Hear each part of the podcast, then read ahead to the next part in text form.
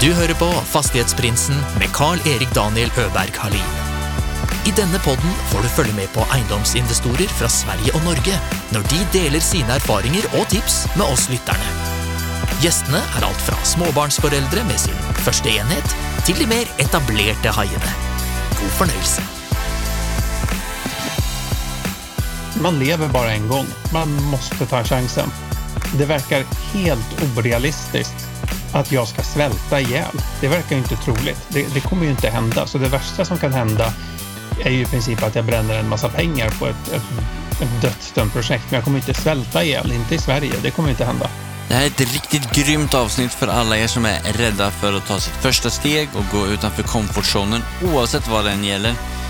Pontus var trygghetsnarkoman som en dag bestämde sig för att det var tid för förändring. Han bytte Stockholm mot sommarstugan i Umeå och sex månader senare har Pontus och sin fru 22 enheter och driver Umeås bästa fastighetsservicebolag vid namn Norrskenet. Följ med helt till slutet så ska Pontus lära oss också hur man firar riktigt ordentligt. Välkommen säger jag till Pontus Larborn! Tack så mycket. Jajamensan, helt perfekt. Ja, då har du haft en bra dag? Ja, men det tycker jag. Vi har ju haft en sån här riktigt skön, skön dag med mycket sol och det, det gillar jag. Så det, det har varit kanon. Vart är det du sitter? Jag sitter ju i, egentligen vill jag säga norra Sverige, men rent geografiskt, Sverige är ju ett avlångt land, så jag sitter väl någonstans nästan mitt i Sverige, men i Umeå. Umeå, Eh, Umeå befinner jag mig. Vacker kuststad. Eh, och jag är ju alldeles nyinflyttad här. Ja, väldigt spännande historia som vi kommer komma in på eh, ganska snart hoppas jag. Så, men innan det så tänkte jag att du bara kunde berätta lite snabbt om vem Pontus är och vad Ja. Pontus har för eh, intressen när han inte håller på med fastigheter. Ja, men Pontus är en född, uppvuxen och inbiten stockholmare. Eh, 35 år gammal. Läste till jurist efter gymnasiet så jag har en examen inom det och har arbetat en kort stund på advokatbyrå. Tröttnade på det och sökte mig till eh, fastighetsbranschen ganska, ganska snabbt. Ehm, är gift, har inga barn, har en katt. Är eh, oerhört intresserad av eh, bilar. Bilar och teknik är min, min grej. Så om jag inte arbetar så är jag gärna ute i garaget och skruvar på någon hobbybil. Okej, det är så Ja. pass. Ja. Ja. Hur är miljön uppe i Umeå för eh, skruva på bilar då? Alltså, jag vet inte. Jag är ju nyinflyttad så jag hoppas ju att det finns ett gediget bilintresse här med, med mycket bilklubbar och träffar på sommaren och sådär. Jag, jag är ingen fortkörare utan jag gillar att, att ta det lugnt och glida fram och fika och äta glass och liksom leva mig in i, i, i stämningen och lyssna på kassettband. Det är någonting som jag kan längta efter. Att få, få skicka in en, en schysst kassett med ABBA och jag lyssnar aldrig på ABBA i vanliga fall. Nej. Men sitter man i en, i en bil från 80-talet och då höra det här raspiga ljudet, det är ju helt mysigt. Vad är det för bilar från 80-talet som man eh, gärna vill köra om man är intresserad av det? Jag är ju egentligen eh, Jaguar, Jaguar-frälst. Jag gillar ju Ah. 80-tals Jaggorna. De hade några läckra sportmodeller där. Wolf of Wall Street. Där kör de ju Jaguar XJS. Hur gammal är den då? Tre, fyra år? Fem år kanske till och med. Filmen med Leonardo DiCaprio. Ja, ja, den filmen har jag sett. Jag försökte bara komma ihåg vilken eh, eller sekvens i filmen som det var. Men eh, den enda bilsekvensen jag kom, eh, kom att tänka på var den när han körde den där vita sportbilen och han inte mår helt som han ska.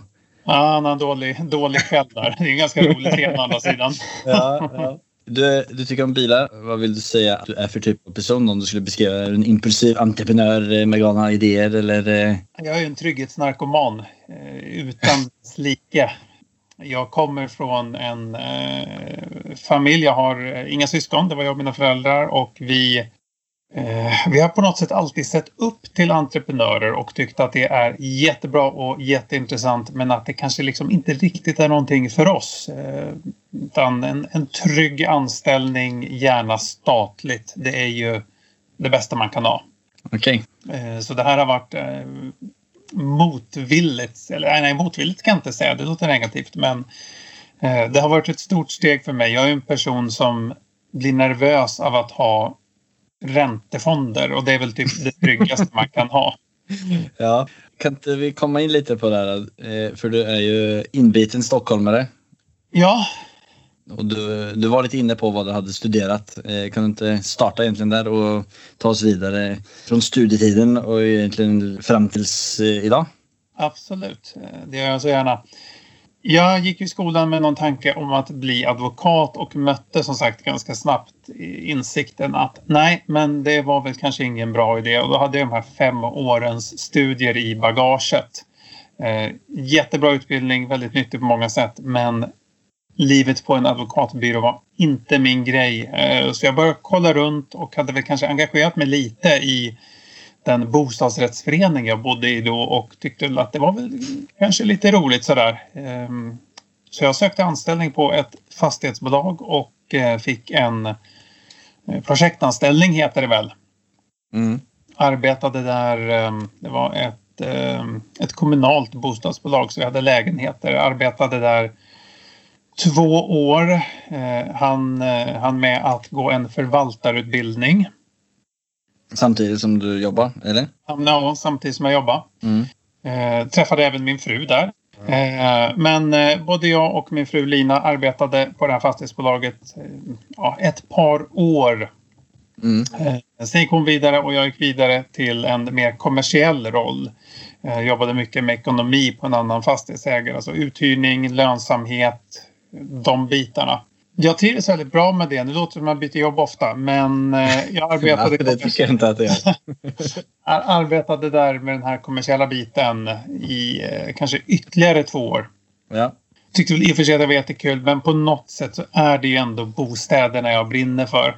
Eh, så jag bytte tillbaka till bostadssidan och också fastighetsägarsidan. Jobbade som förvaltare på ett bolag i Stockholm förvaltare, det kan man ju lägga olika betydelser i har jag märkt i, i fastighetsbranschen. Du kan ju vara förvaltare och eh, förvalta en portfölj som har ett visst värde och ansvara för eh, avkastningen på den portföljen och eh, det var kanske det jag gjorde tidigare. Men sen blev det ju förvaltning som liksom väldigt praktisk förvaltning. Jag var chef för fastighetsskötare. Eh, besiktigade lägenheter, åkte runt och tittade på skador, träffade jättemycket hyresrätt, eller hyresgäster. Mm. Jätteroligt. Eh, sen fick jag som det heter ett erbjudande jag inte kunde motstå. Nej, okej. Okay. Och gick över till entreprenadsidan. Eh, och på lite konstiga omvägar så hamnade även min fru på det företaget. Ja, okej. Okay. Väldigt roligt. Det slutade med att hon var min chef. Ja. Hon var VD i ett antal år för det bolaget och jag var förvaltningschef. Så vi två utgjorde tillsammans med ett par kollegor eh, ledningsgruppen där och det var otroligt roligt. Eh, företaget växte väldigt snabbt. Eh, vi rekryterade mycket folk, mycket nya kunder. Vår affärsidé, eller företagets affärsidé var ju att skicka ut duktiga tekniker som åkte runt och reparerade fastigheter vi hade ingen specialistkunskap. Även om vi hade elektriker och, och rörmokare i företaget så var den typen av specialjobb inte vår grej utan enkel, vanlig, eh, traditionell skötsel jobbade vi med. Hade du varit där i tre år? Ja, någonting sånt. Tre, tre år var jag där och eh, om vi flyttar oss tillbaka i tiden ungefär eh, ett halvår kanske så ja, lite mer till och med. Ett år kan vi säga. Vi säger ett år. Eh, så hade jag och eh, min fru då börjat titta på det här med att kanske köpa en egen fastighet. Och jag tror att nästan alla som arbetar med fastigheter och förvaltning skulle antagligen tycka att det vore jätte, jätteroligt att, äga en egen fastighet och vara sin egen hyresvärd. Ja. Det torde väl vara en av de eh, vanligaste drömmarna bland, bland fastighetsförvaltare. Ja, det kan jag förstå. Eh, så, så, vi hade gått omkring och lurat på det där och är man bosatt i Stockholm då är ju det i princip omöjligt och det är av två skäl. Eh, nummer ett, det är ju så dyrt så du måste vara oerhört stadig kassa för att överhuvudtaget kunna komma in på marknaden. Och nummer två, även om du har de pengarna tillgängliga så kan jag tycka att det inte är en speciellt bra investering. Jag satt och tittade på ett hus i en Stockholmsförort eh, härom, härom kvällen och det är väldigt likt det vi sedermera kom att köpa. Och det kostade, jag tror det kostade 29 miljoner svenska kronor. Mm. Och det är ju för även en person som i, många ögon är ganska rik så är ju det liksom en jätte, jättetung investering och lönsamheten blir ju absolut ingenting.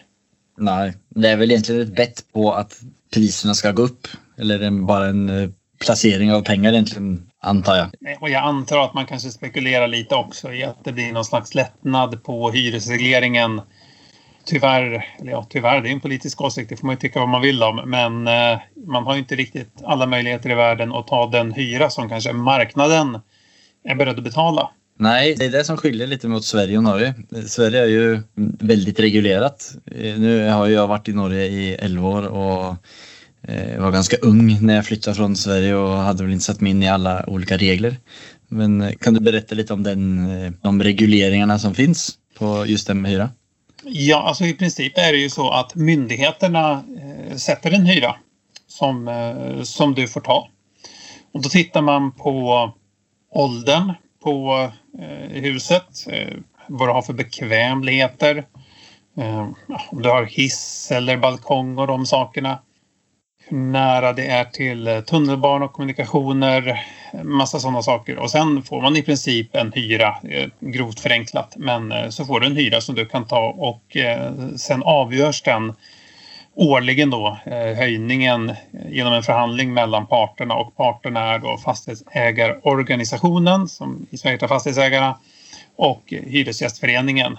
Det beror lite på var någonstans i Sverige vi är men, men ungefär så ser det ut. Följden av det blir att de mest attraktiva lägena eh, jag tänker Stockholms innerstad, jag tänker Göteborg, Malmö. Där har vi hus som är ganska gamla. Stora delar av Stockholms innerstad Eh, byggdes ju under eh, tidigt, tidigt 1900-tal. Och enligt det här sättet att tänka så är en, eh, en lägenhet som är byggd 1910 inte värd så mycket för, för den är ju väldigt gammal. Trots att det är någonting som marknaden uppskattar väldigt mycket. Generellt sett en, en fin tidigt 1900-talsvåning med högt i tak och kakelugnar. Eh, liksom, det är guld på bostadsrättsmarknaden. Det är någonting människor är, betala, eller är beredda att betala väldigt mycket för. Medan på, på, som hyresrätt betraktat så är den, så är den omodern och gammal. Eh, och, och de, här, eh, de här ligger ju inte i förorterna utan de här lägenheterna finns ju i innerstan av uppenbara skäl. Det var där säga, staden, staden började byggas.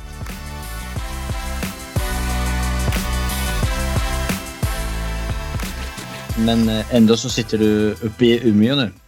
Ja, det, och det var jättekonstigt.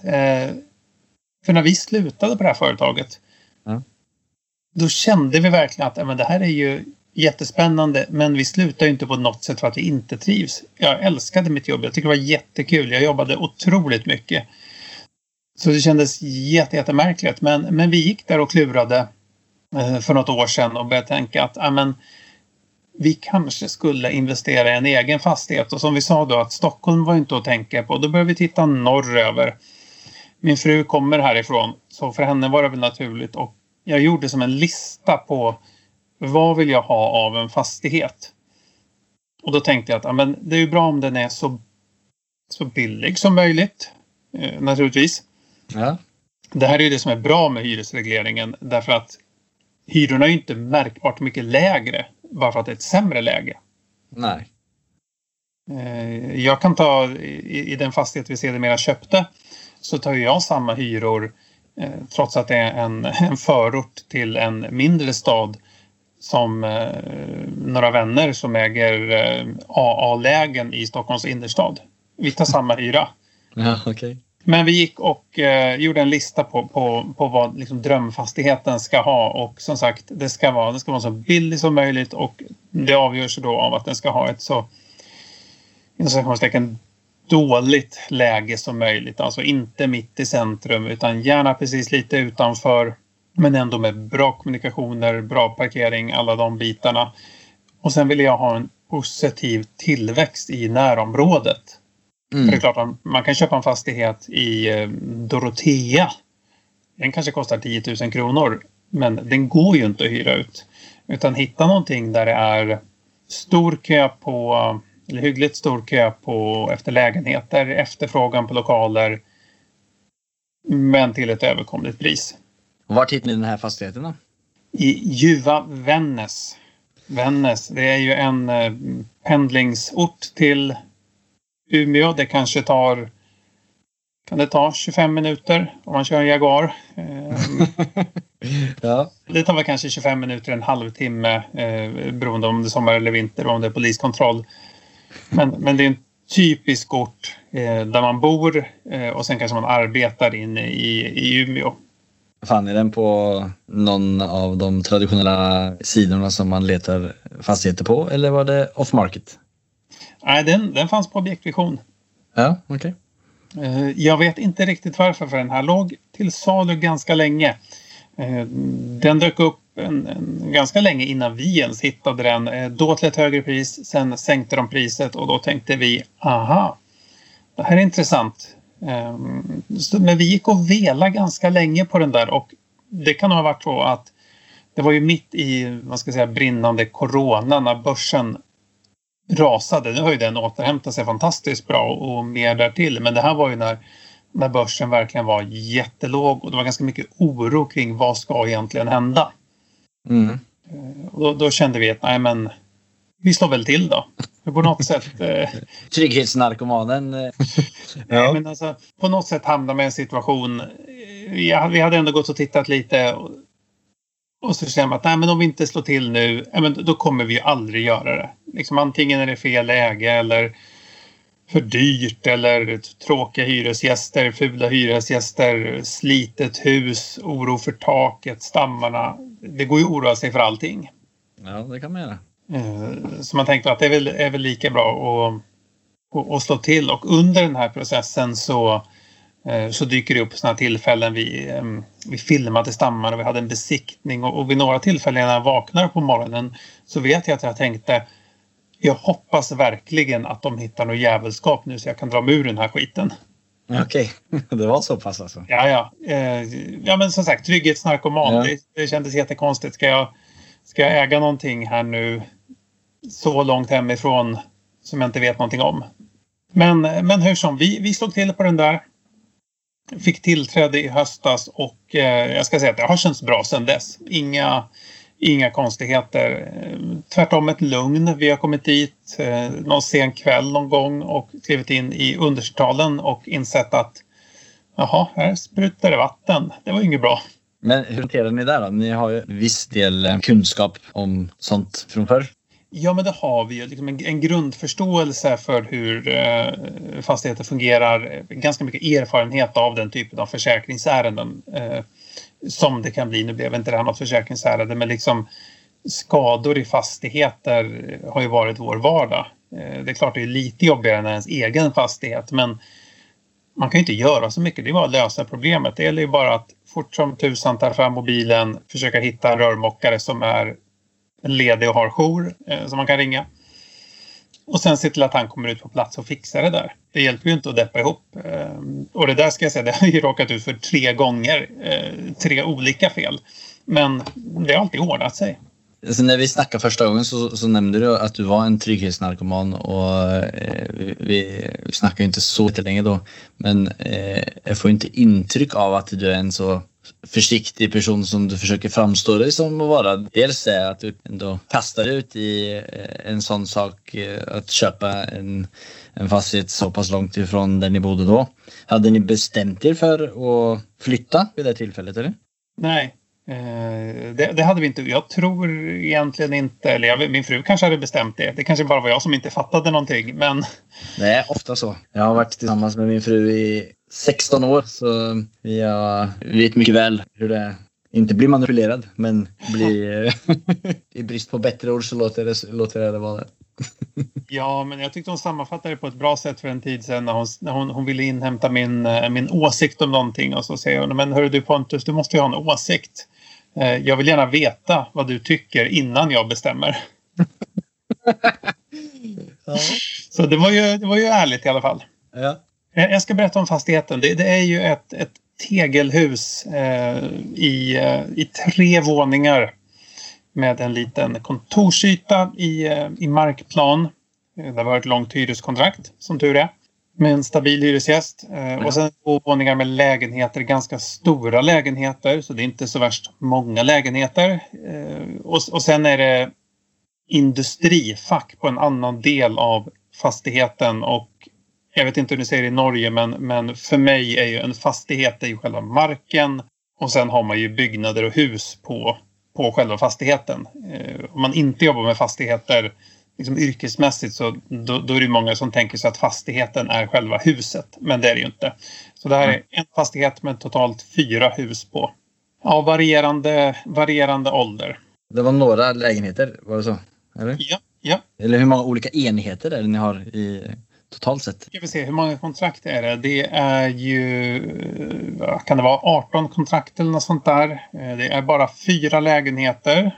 Här börjar man ju tänka, det kanske går att utöka, dela av de här lägenheterna. Vi får se vad som händer framöver.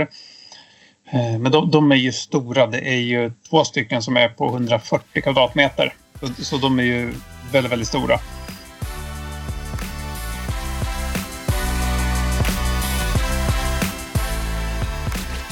Ni köpte eh, huset i Umeå på hösten eller sommaren och så bestämde ni för att flytta upp till eh, Umeå.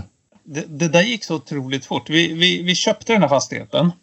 Mm. Fortsätter vardagen hemma i Stockholm, arbetar på, trivs väldigt bra, glada och nöjda, inga konstigheter.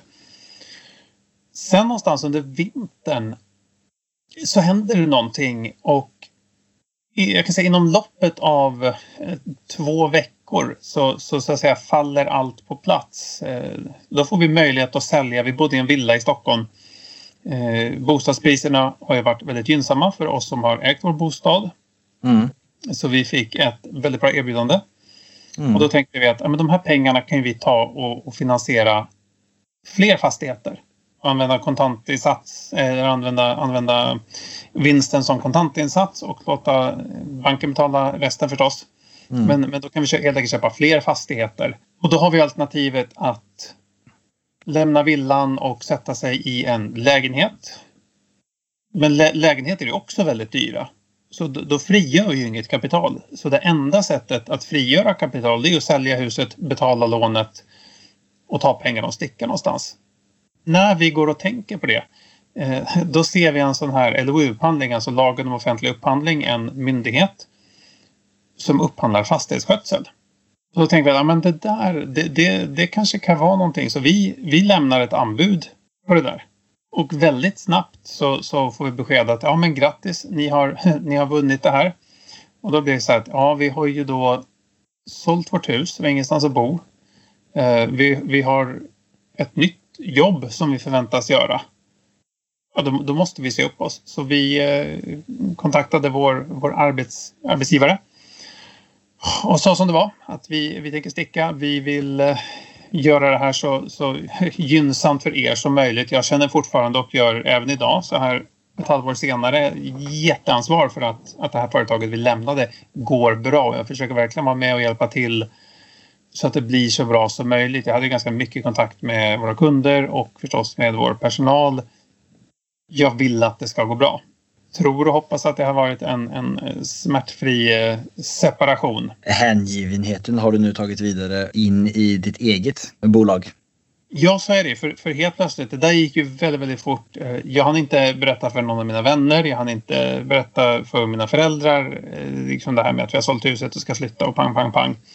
Eh, så det gick otroligt fort. Och ja, som sagt, nu, har vi, nu, nu står verksamheten på två ben eh, kan man säga. Vi, vi, vi startade formellt företaget som heter Norrskenet. Ett namn valt med omsorg. Norrsken är generellt sett ganska vackra. Norrsken eh, antyder ju Norrland även om man kan se dem på andra platser. Eh, norrsken, det, det, går att göra mycket snygga grafiska grejer för att skapa en, en, eh, liksom en grafisk profil för ett företag med just norrskensnamnet. Mm. Och det är ganska lätt att komma ihåg. Ja. Så vi körde igång för ja, snart ett halvår sedan blir det väl.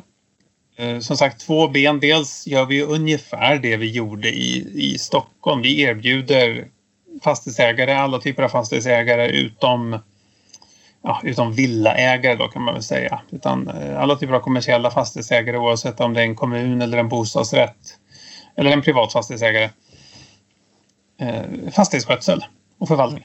Så oavsett om de behöver en fastighetsskötare eller en förvaltare som besitter lägenheterna eller hjälp att hantera eh, försäkringsärenden eller vad det nu kan vara för någonting, då, då finns vi där. Vi gjorde ju en liten eh, affärsplan på det här förstås. Ja. Och den, den följer vi. Det har ju gått väldigt, väldigt bra. Dels har vi fått in eh, lite mer konsultuppdrag än vi räknade med. Sen fick vi den här LOU-upphandlingen som ju ger jätte, jätteskjuts. Ja, det är helt fantastiskt vilken bra start ni fick i starten av det bolaget. Ja men visst, vi, vi räknade ju med att år, eh, år ett ska vi vara glada om vi omsätter kanske 200-300 000 och nu har vi omsatt långt mycket mer än det och vi är ju inne på månad fyra än så länge. Så Ja. för trygghetsnarkomanen känns ju det naturligtvis. Här uppe i Norrland så finns det en...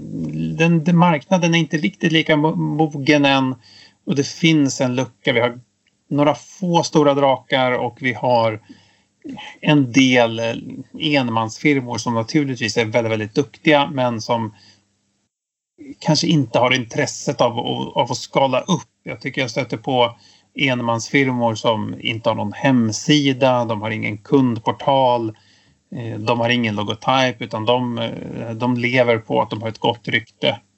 Och eh, vad heter det, word of mouth, alltså Ja, metoden gott rykte. Så då tror jag att det finns utrymme för en mellanstor aktör. men det låter ju som att ni har, ni har väldigt bra kunskap och kvalitet i och med att ni klarade av att vinna den upphandlingen som ni vann.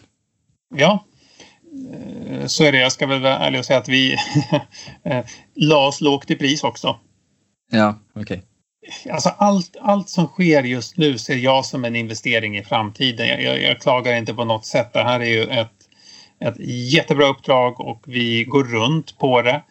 Eh, Men som sagt, för oss är det ju möjlighet att eh, bygga en organisation här uppe eh, och få ett gott rykte. Mm. Naturligtvis. Och, och med den här lilla kappsäcken av pengar vi har från villan i Stockholm så kommer vi ju kunna klara oss utan att ta ut några enorma löner första året. Ja. Vad väntar härnäst? Ja, eh, nästa steg eh, det, det är ju fler kunder och vi har, jag kan säga vi har inte kunnat satsa så mycket på marknadsföringen än. Är det någonting jag lärt mig så är det att tiden går ju otroligt fort. Man kan ju tycka att ja, men liksom, har man kört verksamheten i fyra, fem månader, snart ett halvår, ja men då måste man ju hinna sätta igång en marknadsföringskampanj. Men få allting att funka, dekaler på bilarna, eh, ekonomisystem. Vi, vi är ändå två personer. Jag är i alla fall normalbegåvad och min fru är väldigt begåvad. Vi arbetar ju med det här långt, långt mer än heltid. Vi, vi gräver ju ner vår själ i det här. Mm. Och det tar så enormt mycket tid. Semester, löner, liksom allt möjligt som man måste lära sig. Ja. Eh, Men, men absolut nästa steg blir ju att det benet av verksamheten, så att säga entreprenadsidan, ska växa med, med nya kunder och eh, om vi hörs om ett år eller ett halvår igen får vi, får vi se hur det har gått för det är just nu eh, en del spännande upphandlingar ute, en del uppdrag som känns eh, väldigt, väldigt lockande eh, som vi kommer lämna anbud på så vi får hålla tummarna för det. Eh, samtidigt försöker jag ha inställningen att starta en verksamhet och driva en verksamhet är ett enda stort långt elände. Det är väldigt sällan det lyfter och blir kanon redan från början. Jag tycker att vi har haft en oförskämt bra start. Det har varit jättebra, jättekul. Så nu går jag och bara och väntar på att någonting ska Kollapsa. Ja, men ska kollapsa. Och liksom vara ändå inställd på att det är ju sånt som kommer hända. Trygghetsnarkomanen måste ju ändå ha fått sig en liten knäpp på näsan det sista året. Han sover gott i alla fall. Ja. Jo, men så länge han gör det. Men det känns bra. Jag är förvånad över hur, hur lätt man anpassar sig och finner sig i en ny, en, en ny situation. Vi bodde ju kanske inte supercentralt i Stockholm men, men ändå liksom i en vanlig villaförort, i en vanlig villa i ett vanligt område. Och nu helt plötsligt så bor vi i en sommarstuga som ligger eh, fem, ja, fyra och en halv, fem mil från närmsta samhälle och det samhället med Stockholmsmått är jätte, jätte, jättelitet. ja. Har hela det här händelseförloppet satt några spår eller har det satt, triggat igång någonting nytt i, dig, eh, i din personlighet? Ja, men det har det ju gjort. Alltså, på något sätt så, så, så är jag, som jag sa, jag är oerhört förvånad över hur, hur bra jag mår. Men jag sover jättegott. Jag trivs jättebra här. Norrlänningarna, de är fantastiska. De är supertrevliga. Lugnt och skönt att bo på landet. Helt plötsligt, jag, jag kan sitta på fredag eftermiddagen och njuta av utsikten över skogen och tycka att det är alldeles, topp, alldeles toppen. Och du, och du pratar ju med en person som har bott eh, i Stockholms innerstad under, under studietiden. Vad var det som gjorde att du den här gången gick emot din rädsla och bara kastade ut? Ja, det har inte så mycket med affärstänket att göra utan det var mer en, en inre känsla att man lever bara en gång. Man måste ta chansen. Det, det, det, finns inga genvägar. Det verkar helt orealistiskt att jag ska svälta ihjäl. Det verkar inte troligt. Det, det kommer ju inte hända. Så det värsta som kan hända är ju i princip att jag bränner en massa pengar på ett, ett, ett dödsdömt projekt. Men jag kommer inte svälta ihjäl. Inte i Sverige. Det kommer inte hända. Nej. Så, så antagligen på, på ändra sätt kommer det ordna sig. Det är klart att det bästa är ju att, att aldrig ta chansen. Men då tror jag man ångrar sig.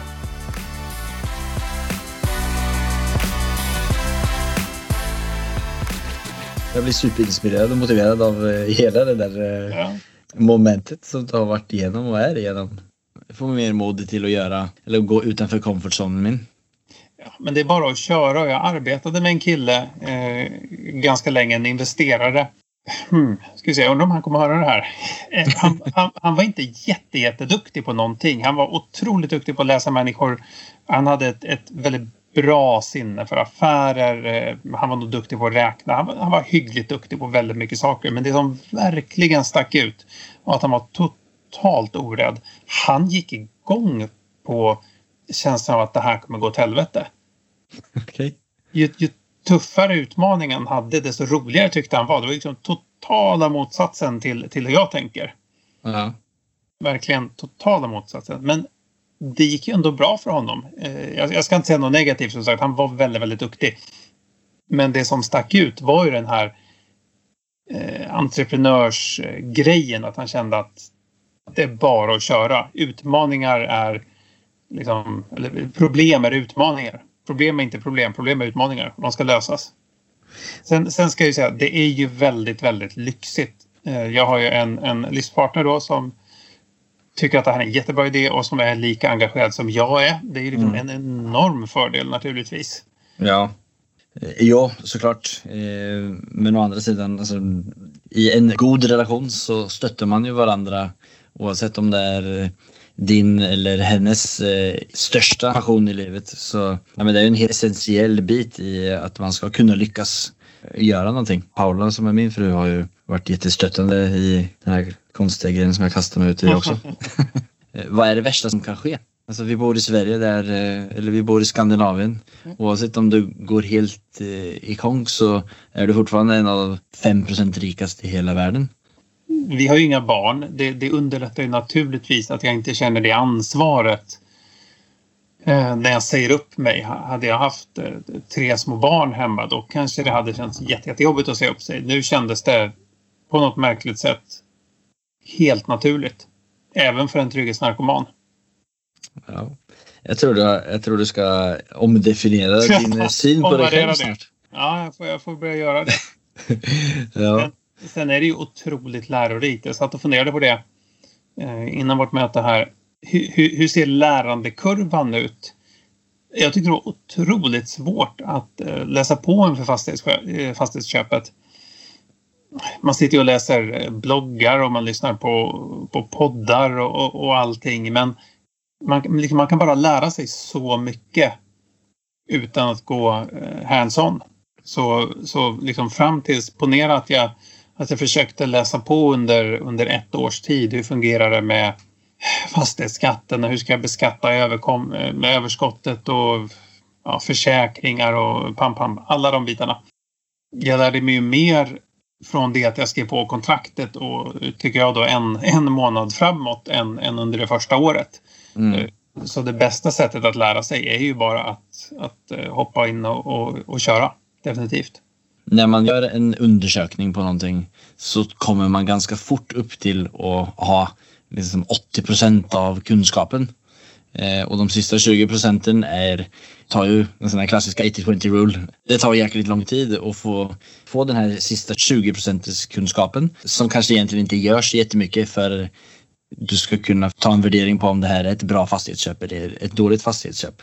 Har man en någorlunda eh, god förståelse om vad, vad man håller på med och vad man söker efter och man hittar någonting som är snarlikt det så försöker jag också nu tänka på att det är bara att köra. ja, men visst är det spännande. Vi hade en sån här reality check för, eh, ja, vad kan det vara, eh, början på året. En hyresgäst, största lägenheten i huset. Eh, hon ringer och säger upp den och stor lägenhet, den är ganska nyrenoverad så det är en väldigt hög hyra. Jag ska inte säga att det är dyrt för det är en väldigt fin lägenhet men, men det är mycket pengar eh, i den lägenheten för en normal familj så jag är lite osäker hur ska vi göra här då? Mm. Jag får väl prova marknaden så jag sätter ut den på Blocket, eh, tar några bilder. Jag tror att det tar ja, 24 timmar eller något sånt där. Så jag har 30 intresseanmälningar. Helt vansinnigt. Eh, kunde sålla lite och eh, som det gör när man sätter ut någonting på Blocket. Eh, det fanns ju naturligtvis en beskärd andel tokdårar. Men jag kunde välja hyresgäst. Inga problem. Jag hade jättemånga bra stabila hyresgäster. Eh, det, det jag ville hitta var en person som var långsiktig. Jag hade ett antal bra hyresgäster som sa redan från början att ja, den är ju lite dyr men jag kan ju tänka på att bo där en stund i alla fall. Och, och det är väl kanske inte någon bra presentation när man vill, man vill hyra en lägenhet. Nej.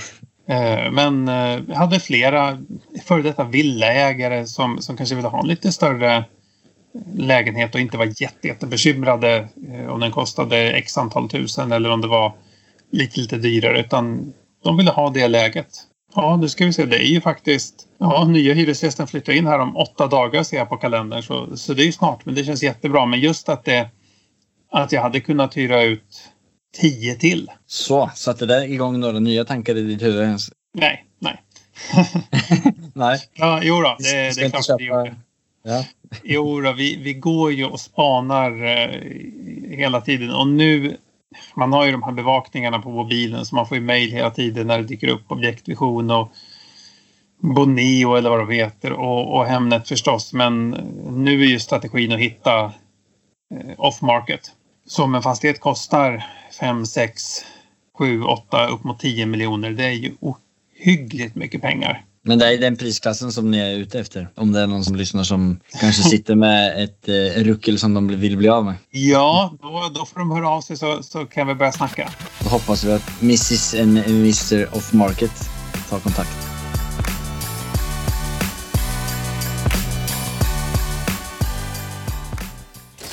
It has not been easy for me. And, you know, I, I started off in Brooklyn. My father gave me a small loan of a million dollars. Affärsanalysen. Superbra. Jag tänker vi, vi kommit fram till eh, att hoppa på vårt eh, nästa segment som eh, heter Affärsanalysen. Där eh, har ni ju en fastighet som ja. Eh, jag antar att du har tänkt att dela med dig om. Ja, ja men det blir det. Och det är ju vi, vi har en avkastning på den här fastigheten på omkring 10 procent. Är det en skillnad på avkastning och direktavkastning? Eller är det samma begrepp?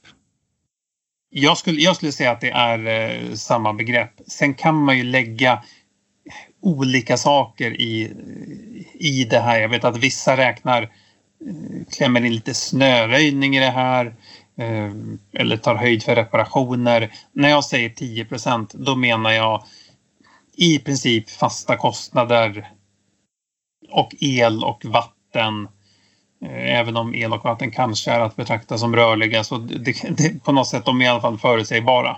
Eh, men jag tar inte in kostnaden för att någon eh, backar på en garageport eller liksom den typen av grejer. Nej, men tar, tar du med en avsättning för, vad heter det, Under... underhåll? Underhåll, ja. Tar man, tar man in det i det? Nej. Nej, eh, det har jag inte gjort eh, och det brukar man inte göra heller. Eh, det där är ju lite intressant för det finns ju två sätt att äga en fastighet och antingen så äger du den rent privat Ja. med allt det innebär eller så äger du den i ett bolag. Vi äger vår fastighet privat. Okej.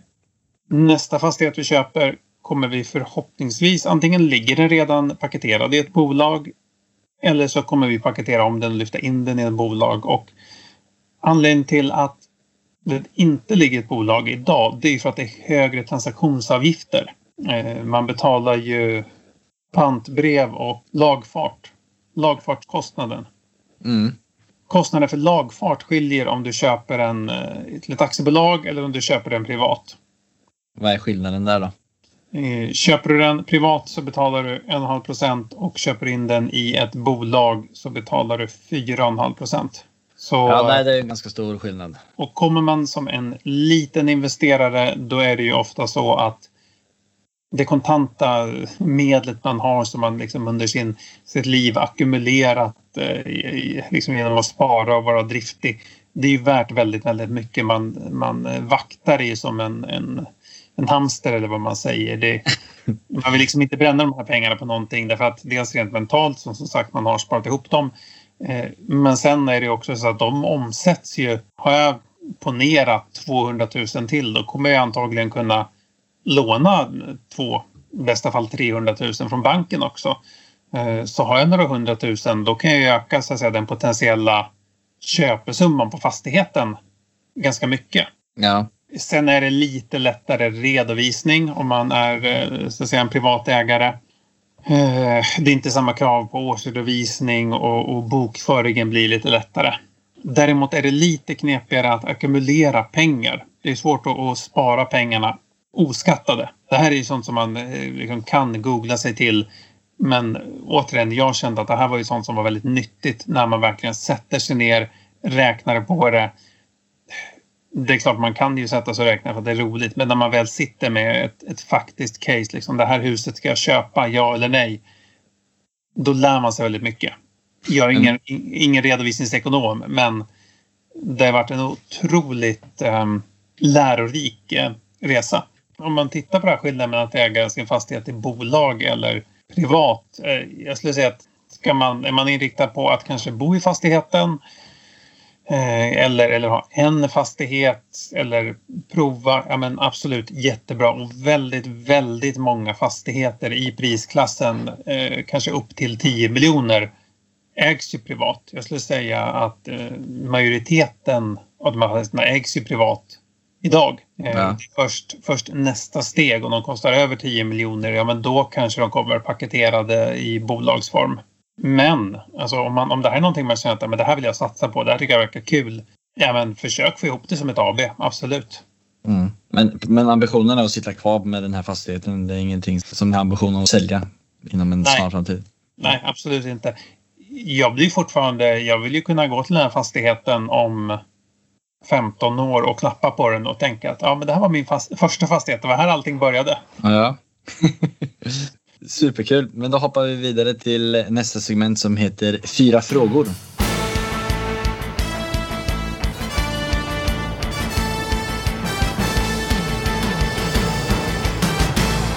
Cuatro preguntas. Första frågan lyder följande. Vad är det som skiljer en framgångsrik entreprenör mot den som misslyckas, slutar eller aldrig kommer igång? Ja, det, det, alltså, den frågan, den har ju svaret i sig. Alltså, det är ju det här med att inte komma igång. Man måste våga.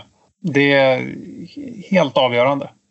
Sen, sen tror jag att man måste ha förståelse för att fastigheter är en jättedålig investering om du inte tycker att det är lite kul. Ja. Jag har ju vänner som har gått på ordentliga nitar. Kanske inte det har varit någon jättestor katastrof för dem liksom privatekonomiskt. Men det har ju ändå slutat med att de har förlorat en del pengar. Och det beror på att de har gått in med tanken att ja, nu ska jag tjäna pengar, nu ska jag casha in. Men jag tänker inte göra någonting.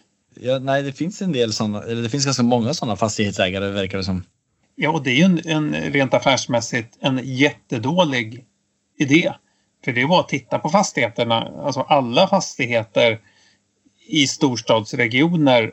Du har ju kanske mellan tre och 4% avkastning. Det är sällan du har bättre än 5% avkastning. Och är du intresserad av att tjäna pengar, ja, men då måste du kunna förränta dina pengar på ett bättre sätt. Sen absolut, de här 5 procenten, då är det ju så praktiskt att ponera att du går in med en miljon och sen skjuter banken till en miljon. Så du har två miljoner som du har 5% på. Ja, du betalar antagligen inte 5% på i, i ränta på de, de pengar som banken skjuter till. Så, så på eget kapital så blir det ju lite bättre. Jo. Men, men likväl, det är en dålig investering om du inte tycker att det är lite kul. Du ska Ja. tycka det är kul med fastigheter. Du ska tycka det är roligt att äga någonting. Du ska liksom gärna åka ut och klappa på den och tycka att ja, hej, hej kompis. Har du gett din första fastighet något namn eller? Ja, inte än, inte än. Vi får se. ja, men den känns som en kompis. Jag vill, jag vill liksom Ja. åka dit och se till att den har det bra och ta hand om den.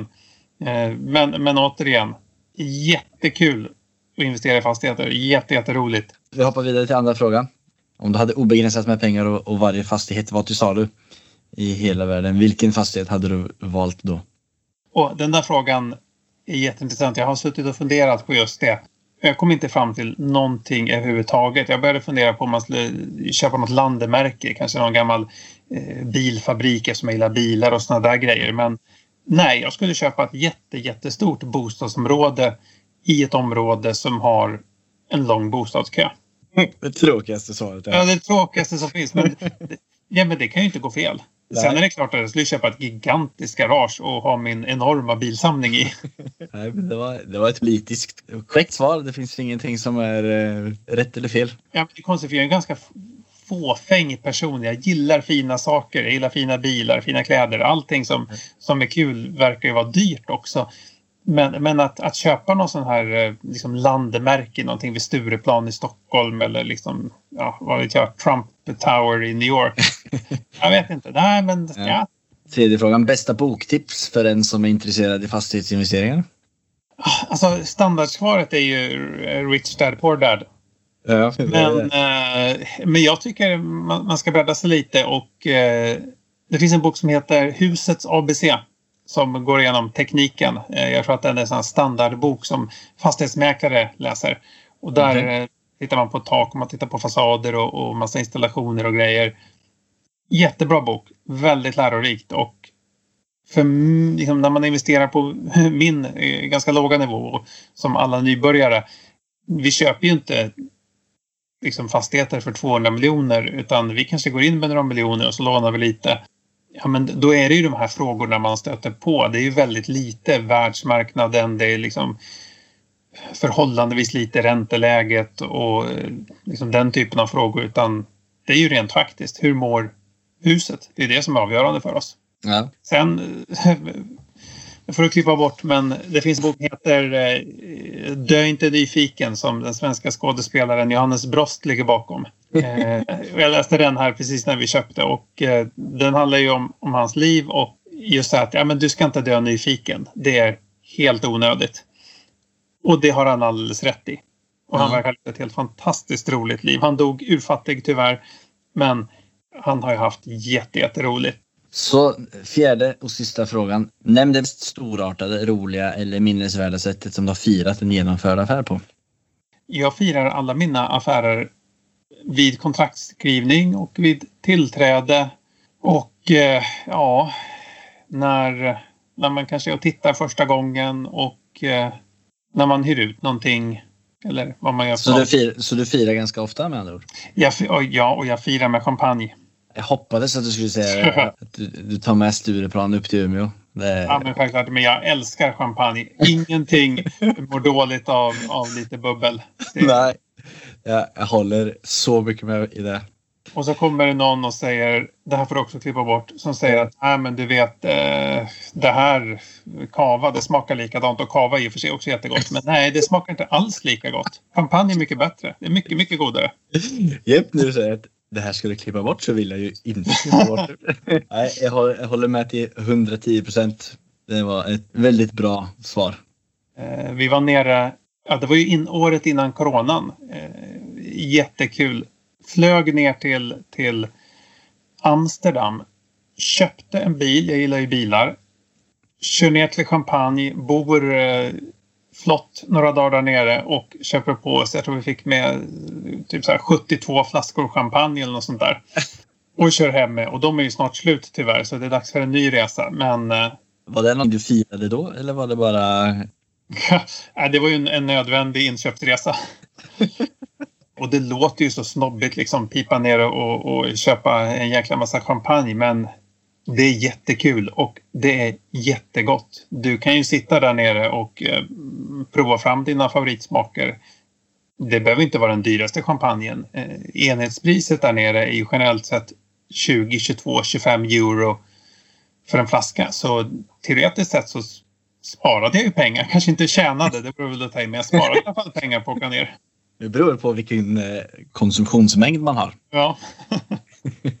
För att avrunda lite här så är det bara de som säljer fastigheter som ni önskar komma i kontakt i eller är det några andra typer av personer som ni önskar komma i kontakt i?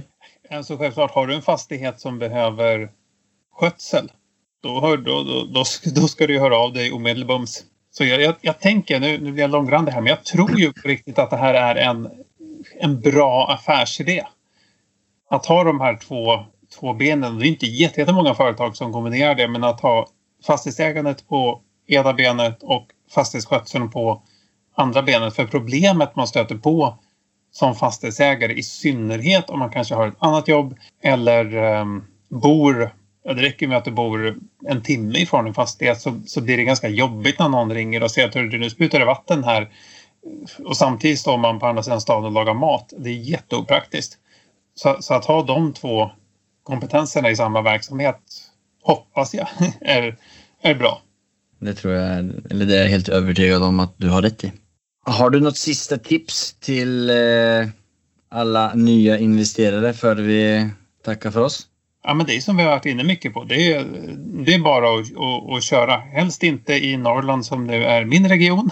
Men, men, nej, men, men kör. Det är jättekul. Det värsta som kan hända är att man får sälja någonting och att man är några erfarenheter rikare. Så...